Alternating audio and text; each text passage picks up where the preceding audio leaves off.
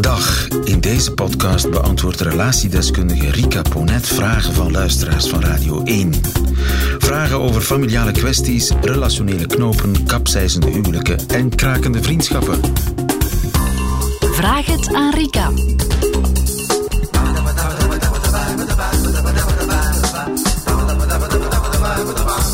Rika, ik heb eh, vele, vele, vele brieven gekregen voor jou met allerlei klachten en vragen. Ja. En eh, ik pik er eentje uit van Kevin, die 28 is en die schrijft het volgende. Beste Rika, mijn lief wil na bijna drie jaar meer afstand en ook geen label meer op onze relatie. Om meer zelfstandigheid en een onafhankelijk leven te houden, zegt ze. Ik probeerde lang tot een compromis te komen en andere oplossingen te bedenken om haar niet kwijt te raken.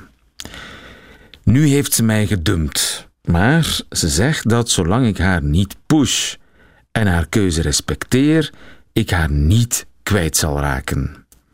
Ik ben nu onzeker of het helemaal gedaan is tussen ons en ik ben bang om het haar te vragen, want ik wil namelijk niets pushen, zoals zij vraagt.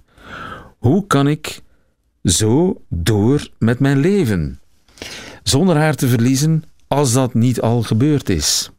Schrijft deze vertwijfelde Kevin. Kevin. Ehm, ik denk dat het niet toevallig is dat Kevin 28 is. Ehm, Hoezo? ja, ehm, ik merk eh, heel vaak ook in mijn praktijk dat in die levensfase, tieners, late tieners dan, die aan het daten en aan het relateren zijn, ook bij twintigers vooral, eh, relaties heel onduidelijke kwalificaties krijgen vandaag. Het is alsof men, ja, eh, eh, ja men wil het niet meer definiëren. Men, en vooral vanuit het gegeven, als we iets definiëren, dan zit daar een vorm van een keuze aan vast en we willen ons niet laten vastzetten. Het is dus à la carte. Ja, er zijn zo ook een heleboel nieuwe termen aan het opduiken. Je hebt de prelatie, dat is De dan... prelatie. De prelatie, dat is dan een relatie waar je toch al een stukje exclusief gaat. Maar ja, ik denk dat we daar vroeger dan het woord verkering voor gebruikten. Ehm, maar ook, ehm, ja, ik denk dat iedereen het woord scharrel kent. Vandaag heb je ook... de- Friends with benefits. Ik weet ja. ook iets. ja, prima, maar ook de kwarrel. De, Dat is een kwaliteitsscharrel, lieven.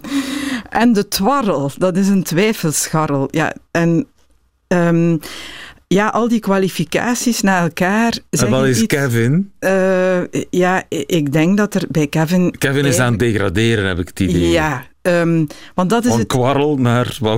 naar, naar Naar twarrel. Naar twarrel. Is zeker een twijfelscharrel.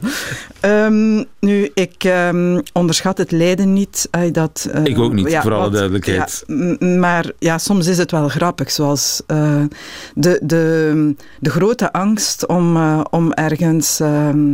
een, eh, ja, om dat ergens te identificeren of om daar een etiket op te kleven of om iets duidelijk uit te spreken. Hè, want Ah. dat is het vooral. Hè.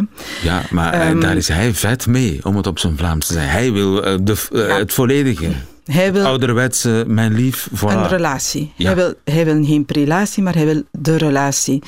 Eh, zij heeft afstand genomen en eh, ja, wat merk je toch in zijn verhaal?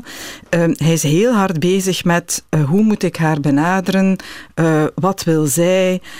Ik wil niets fout doen. Ehm, uit angst voor verlies, zegt hij. Of uit angst voor ehm, ja, het antwoord dat dan een afwijzing zal zijn. Hij durft zelfs niet te vragen of het nu helemaal Al gedaan, gedaan is. is. Ze heeft hem afgewezen. Ik denk dat dat vrij eh, duidelijk is. En ehm, zijn eh, focus zit daar veel te veel op en veel te weinig bij zijn eigen beleving. En je ziet dat hij in een soort van paniekstand zit vandaag. Eh, en dat hele kleine beetje dat nog rest, ehm, dat sprankeltje hoop dat zij ook overlaat. hè, Waarom doet ze dat? Zo van, ja, ja, ja, maar ik ben niet helemaal weg. Ik laat er nog een beetje een kier. Ik denk dat er twee redenen zijn. Misschien eh, houdt ze graag zo'n contact wat warm. Of is het iemand die toch wat moeilijk vindt om de confrontatie aan te gaan en dan zo kiest voor een soort van uitdoofscenario. Weet je, uh, ik zeg het hem niet uh, direct, want ik heb de indruk dat hij daar diep door gekwetst zal zijn. Dat is hij nu natuurlijk ook al. Um, maar ik laat het zo nog wat open. Hè, is dan, dat niet een uh, beetje laf? Ja, absoluut. En je doet daar iemand ook veel meer pijn mee dan, dan gewoon, heel, de waarheid, dan gewoon de waarheid te zeggen. Nu, anderzijds, het ligt ook niet helemaal bij haar. Hij van zijn kant, van zijn kant doet zichzelf ook heel veel pijn door Um, ja, door, door die angst, uh, door die vertwijfeling en door het niet durven uitspreken van wat zijn verlangens, zijn verwachtingen zijn. Ik vermoed dat dat al ook in die relatie van toepassing was. Hè? Dat Kevin zich de hele tijd heel hard aangepast heeft aan alles wat zij wou, de wijze waarop zij het wou, uh, de momenten afspreken waarop zij kan, uh, als zij niet kan, zich daar braaf bij neerleggen.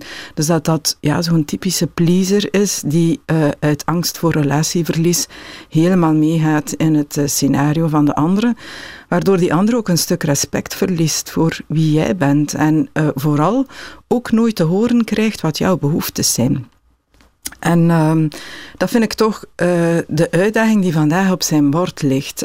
Um, ik denk dat het goed is voor hem om uh, het gesprek aan te gaan. Niet in de zin van ik stel jou een ultimatum, ofwel kies je nu voor een relatie, ofwel uh, is het hier gedaan. Maar wel, um, ja, Kevin, spreek jouw verlangens uit. Hè. Ik wil eigenlijk heel graag een relatie. Ik zie je nog altijd graag. Um, ik heb de boodschap duidelijk begrepen. Hè. Jij wil niet gepusht worden. Jij wil op dit moment ruimte. Uh, je wil mij niet horen, niet zien. Hè. Dat spreekt daar toch uit. Ik respecteer dat. Maar weet, um, dus uh, ik laat nu het initiatief bij jou. Hè. Ik uh, ben nog altijd geïnteresseerd, maar het initiatief zal van jou moeten komen. En ik ga ondertussen ook verder met mijn leven. En vanaf dat moment geen boodschappen meer sturen. En dus daten. En daten. Ja, je hebt dan heel de. Ja, want uh, als hij thuis op de bank zit te treuren, dan is uh, de kans heel groot als hij zich dan heel slecht voelt op een avond, dat hij toch nog eens een berichtje stuurt. Hij, is, of, hij is zo'n zo een bedelaar eigenlijk bijna. Ja. Hè? is niet aantrekkelijk, hè, een bedelaar. Dat is absoluut. Iemand die- ja, iemand die wanhopig het contact zoekt. Ja, Ja. dat is. Um, uh, ja, je wil bij wijze van spreken dat. Kevin, je bent meer waard. Ja, uh, Voilà. en daar gaat het ook altijd weer over. Hè. Um, uh, durf, uh, van, ja, jij hebt evenveel recht als volwassen man op een engagement van haar kant. Durf daarvoor te gaan.